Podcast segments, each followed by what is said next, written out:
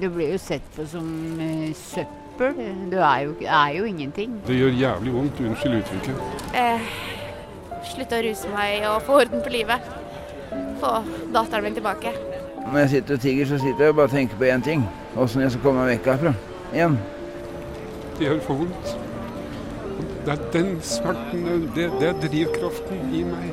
Jeg skulle ønske mamma kunne vært her den dag i dag og sett hvor langt jeg har kommet. At jeg klarte også å slutte med metadonen.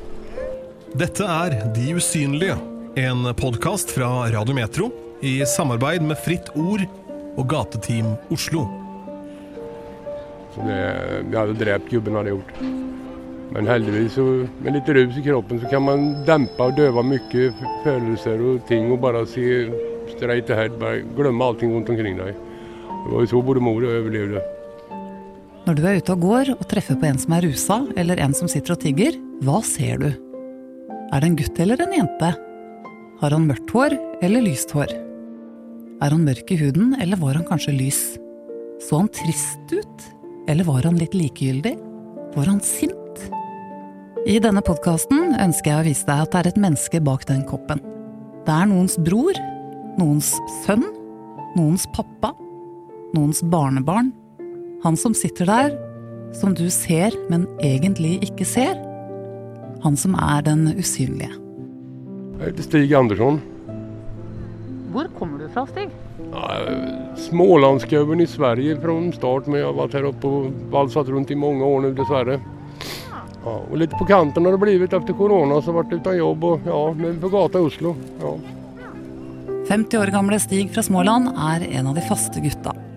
Han møter opp hver onsdag for å få en pose med mat og drikke fra gateteamet, og ikke minst for å ha noen å prate med. For å beskytte Stig og de andre rusmisbrukerne, så har jeg på meg munnbind under denne samtalen. Så det er grunnen til at du kanskje hører spørsmålene mine litt dårlig. Men jeg skal prøve å hjelpe deg litt underveis, men nå aller først så vil jeg at du skal lytte til Stigs historie. Når uh, rusa du deg for første gang, Stig? Og 15 første gangen jeg prøvde speed. Og der er vi, lagt av og så har det vært gjennom årene har det vært litt hasj og litt annen dritt. Men speeden er en god venn, og den har jeg holdt fast ved. Og det har blitt, nå er vi oppe i 30 ja, Snart 35 år, tror jeg. Men altså, speed er ganske heftig å starte med, er det ikke? Ja, jeg vet ikke, har inget alternativ. Men det, for meg var den helt, helt super. Jeg likte den godt. Det... Men hvordan skjedde det? Hvordan starta du? Litt storvoksen gutt som så eldre ut enn han var, på fest med andre litt eldre mennesker. Og kom i lag med kvinnfolk som likte meg. Hun ville invitere på en sak og spørre meg om jeg ville prøve. Ja, det vil vi jo. Og der er vi. Jeg har vært hekta på en gang. Var det etter første gang? Direkte. Direkt. Det, det var min ting. vet du. Ti timer siden jeg kjøpte mine første fem gram. Han var bare 15 år da han ble sjarmert i senk av denne dama som fikk han til å prøve speed. Amfetamin er et sentralstimulerende syntetisk stoff. Det er da ofte kjent som speed eller pepper. Det er et av de mest avhengighetsskapende rusmidlene man kjenner til, og denne avhengigheten er først og fremst psykisk. Rusen fra speed eller pepper gir et kick, og etter hvert så kan all interesse konsentreres om nettopp dette kicket. Venner, skole, jobb, familie, alt annet blir stadig mindre viktig. Man jakter kun på selve kicket. Men hva var det egentlig som fikk Stig til å velge å fortsette å ruse seg? Hvis du ikke hadde vært med denne damen og fått speed den gangen, tror du du allikevel hadde begynt med rus? Jeg hadde nok ikke levd, du. Eller har vært jævlig lang tid innsperret, for jeg har slått i hjel faren min for lenge, lenge siden. Det, jeg hadde drept gubben, hadde gjort.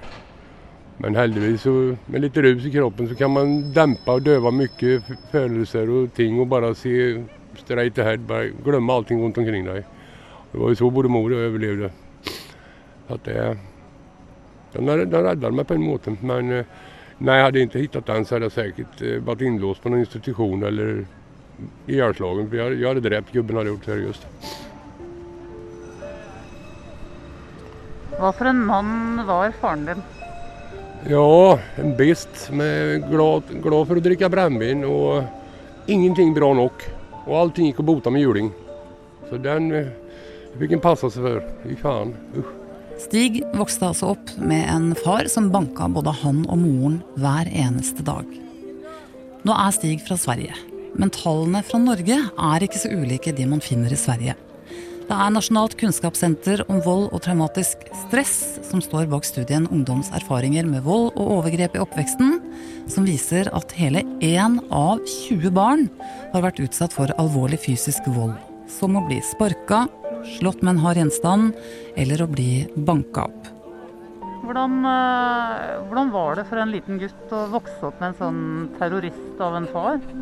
Nei, som sagt, når man kom opp i tolvårene der, så begynte man jo med røyken og speeden og litt forskjellige dumheter og dårlige habiter. Så man ble bråvoksen på en gang. Man vokste jo opp ti år på en gang, så man ble betraktet som mer eller mindre voksen, som en, nesten som en 20-åring. Og da jeg fikk jo klare meg som en 20-åring også. Det var jo til å stå imot og være med mor ned i blant dyra og ordne med melka på morgenen før skole og allting. Så den var opp halv fem og ned dit først på morgenen. Og når jeg kom inn til skolen, så ned dit etterpå. Bare jobb all, hele tiden. Bare det. Og det Nei, det var mor og jeg som skjøtte dyra, og der nede ved fjøset så skjøtte far og broren min det andre der ute. Så at det blir store forskjeller på det. Er du, er du lei deg i dag, eller er du forbanna for eh, hvordan du har vokst opp? Vanligvis så snakker jeg ikke om det. Det er for meg det gammel tid. Jeg er glad at det er forbi. og Jeg kommer aldri noensinne sette min fot på en gård igjen. Det er helt sikkert. Det kommer jeg aldri gjøre. At Stig i dag har et anstrengt forhold til gårdsdrift, er ikke så veldig rart. Det var han og moren som drev denne gården fra han var liten gutt til han flytta hjemmefra i 20-åra. Altså, hvordan reagerte de rundt deg når du begynte å ruse deg? Det er just det som er tingen. Det er jo ikke så mange som vet det. Det er skjult det. Det var bare moren min som visste om det i bygda rundt omkring hjemme. Ingen i familien, noen, annen, ingen under med gamle venner eller skolekamerater. Ingen har kjent til det her. Fordi nå har jo jeg truffet deg mange ganger, Stig. Og en av tingene som du skiller deg litt ut med, er jo at man ser ikke på deg at du er rusa. Nei, det er just det som er greien. Jeg har ikke levd rusmiljø. Jeg har levd alene med, hjemme på gården med mitt rus og min røyk og jobben. Og så har det bare vært meg. Og da har jeg fått opp ja, det var jo opptaket fra mor at OK, styr med det du vil, men eh, gjør det pent og gjør det hjemme her. Og ikke springe rundt og oppføre det. Skal du, ja, det, må, det får ikke synes. Og det er på den linja er det. Moren til Stig aksepterte på en måte at han rusa seg på speed, så lenge ingen fikk vite hva han holdt på med. Og det er dessverre mange narkomane som har kjent på nettopp denne skammen. Hvordan ser hverdagen din ut nå, da? Ja, nå har jeg ruslet rundt i Oslo her i drøyt halvår og bodd på gata. Og nå endelig siste tre uker her vel, har jeg kommet inn under tak på rusomsorg og Frelsesarmeen. Och eh, ja, det är väl på gott och ont. Det är ju skönt att komma in under tak men det är lovligt att göra allt man vill så att eh, det är lite mer rus än vad det pleier å være nå. Men jeg prøver å holde stand og Bare røyk, altså. Er, jeg har god tid. Så bare ta deg et trekk av. Ja, ja, jeg røyker. Det, det. Men hvis man, eh, hvis man ser på dagen din, hvordan, eh, hvordan starter du? Hva gjør du i løpet av en dag? Ja, mener du minutt for minutt? Nei. Nei, men det er jo min morgenstund. Den har vært helig i alle år. Da. Det er jo sitte og kose seg på morgenen med kaffe og røyken og en skikkelig dos som våkner til den timen. Den, er- den er helig. Og så er det ut og bare plukke pant. Da plukker flasker. Jeg plukker pant hele tiden. Det er det jeg driver med hele tiden. For jeg har jo ikke hatt eh, kontakt med noen og skikkelig bra, så jeg har ikke hatt noen inntekt. Så jeg, jeg lever på flasker. Så det er ut. Direkte etter morgenturen der og ut og bare plukke. Og så går det fram, et, fram på ettermiddagen så blir det inn og hvile et par timer. Og så er det natta som gjelder. Kjøre fram til 6-7 på morgenen igjen. Bare plukke, plukke, plukke. Måste inn mellom 400 og 600 per dygn. måste jeg ha. Men, altså, den eneste inntekten du har, er flasker. Og han samler altså inn flasker for mellom 400 og 600 kroner hver eneste dag. Det er det Stig trenger for å dekke sitt behov for speed, sigaretter og ikke minst kaffe. Han rusler rundt overalt med denne svære posen med flasker. Og det hender jo da at folk blir litt redde. Overalt av alt. For det, er, Det er mange som har blitt fortrødne og ringt på politiet og lurer på hva gjør den gubben her ute. Jeg har vært langt ute i strøken og gått, og det er jeg merker at det kommer en gubbe med stor sekk på ryggen klokka to på natta med bærpose og bare plukker søpla. Det er klart at det er noen som reagerer. Men det er så overlevd, og det, det går stadig. Det er heldigvis visst, Noen da er jo mer bra enn andre, og noen er jo helt på trynet. Men det har gått rundt, heldigvis. Men hvis du kunne velge, Stig, hva ville du gjort med livet ditt nå? Nei, jeg vil tilbake sånn som jeg hadde det innan koronaen kom. Jeg hadde jo jobb og allting. Så det, jeg håper på at det kommer å snuse tilbake så jeg får en ny sjanse der. Det kommer å bli slitsomt for det har skjedd masse rare ting under koronatiden her nå og stilt til litt bekymmer for meg. Men jeg håper på at det finnes en vei tilbake til arbeidslivet igjen. Og, ja, så at det blir som det har, vært så det meste tiden av livet. Jeg har jobbet og hatt mitt. Jeg har ikke forstyrret noen eller levd i rusmiljø eller noe, utan jeg har kjørt mine turer på en merkelig måte, men så er det. Har du lyst til å slutte med rus? Jeg kan ikke det. Jeg er altfor glad i den. Det er min lille reward. Det, er, det, sitter for, for djupt rotet i meg. Jeg kan holde opp eh, par ukers tid emellanåt har jag gjort når jeg har och og och sådana ting, men eh, nei. Jeg vil nå ha meg i alle fall en tre, fyra dagar på rekke for jeg skal ha det godt igjen. Det noen tar seg et glass vin over helgen og drikker hver helg. Jeg kan ta med noen gram sprit i stedet over en helg eller noen dager og kose meg med i stedet. Jeg, jeg tar det omtrent så for at jeg pleier ikke å rusa hele tiden ellers. Utan det blir rus og rus. Jeg holder en jevn nivå. Jeg sier ikke at jeg er rusa, jeg, jeg bruker. Ellers hadde du oppdaget om jeg var rusa. Det merker du aldri. Jeg er aldri rusa. Nei. Nei, jeg bruker, ja.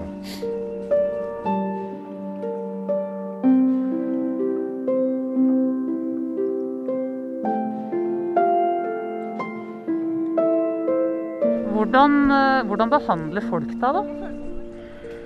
Det er ganske spesielt. Eh, merparten er jo nesten så de er redde for meg når jeg kommer. De blir skremte. Altså, de er oakta ful gubbe, så tar de barna og går. Og mye folk som bare rygger og bytter side på veien. og sånt her. Og, ja, jeg kan ikke gjøre noe åt det. Jeg prøver å se ordentlig ut prøver å være hyggelig. og ja, Jeg tror ikke jeg ser farlig ut. Men er du farlig, da? Det er et dumt spørsmål. Alle kan være det. Som sagt, jeg har gjort mine fängelseår. Det finnes alltid grunn til allting. Men vanligvis här på gatan, har du upplevt at jag er otrevlig eller stygg? Nei. Det er ingen her som har sett meg elak eller arg eller, eller sint eller någonting på någon. Jeg prøver å holde god mod og bare köra mitt her og bare minst möjliga for å forstyrre andre. Men eh, det er jo alltid noen som får vondt i magen, og det har ju, ser man jo på de her der, der, vi som har vært på gata og bruker rus, spiser og møtes. At det er jo litt gnyrk og knark når jeg kommer. Det er ikke alle som er veldig fortjust i meg. For jeg er litt utenfor. Den fyren som Stig presenterer for meg her, kjenner ikke jeg. Fordi for oss i Gateteamet så er han en likandes kar. Han er alltid høflig, han har alltid et smil om munnen, og han er en lun, fin fyr. Et av temaene som går igjen i gatemiljøet i Oslo akkurat nå, det er hva man skal gjøre med julefeiringa. Alternativ jul er avlyst pga. Av korona og covid-19. Og det samme gjelder også mange av de andre arrangementene. Men dette er egentlig ikke noe som bekymrer Stig nevneverdig. Ikke en plan. Jeg pleier ikke å fire jul. Det er bare vanlig, det er som lørdag. Det er ikke noe særlig for meg. Nei. Er man heldig, så er det noen som inviterer på en tallerken med litt god mat. Eller så ja. Det har ingen betydning i det hele tatt. Tusen takk for at du eh, valgte å fortelle. Ja, takk skal du ha selv for en trivelig samtale. Så håper jeg vi ses igjen. Garantert. Ha det godt. Jeg har alltid litt blanda følelser når vi sier ha det. For jeg veit aldri om jeg kommer til å treffe dem igjen. Du har hørt podkasten De usynlige. Tusen takk til Stig, som valgte å dele historien sin med oss i dag. Tusen takk til Gateteam Oslo, som lar meg få være med ut og treffe disse fantastiske menneskene. Takk til deg som hørte på. Jeg håper du fortsetter å lytte. Og jeg håper at de usynlige blir mer synlige for deg nå. Podkasten er produsert av Radiometro. Jeg heter Hege Tepstad.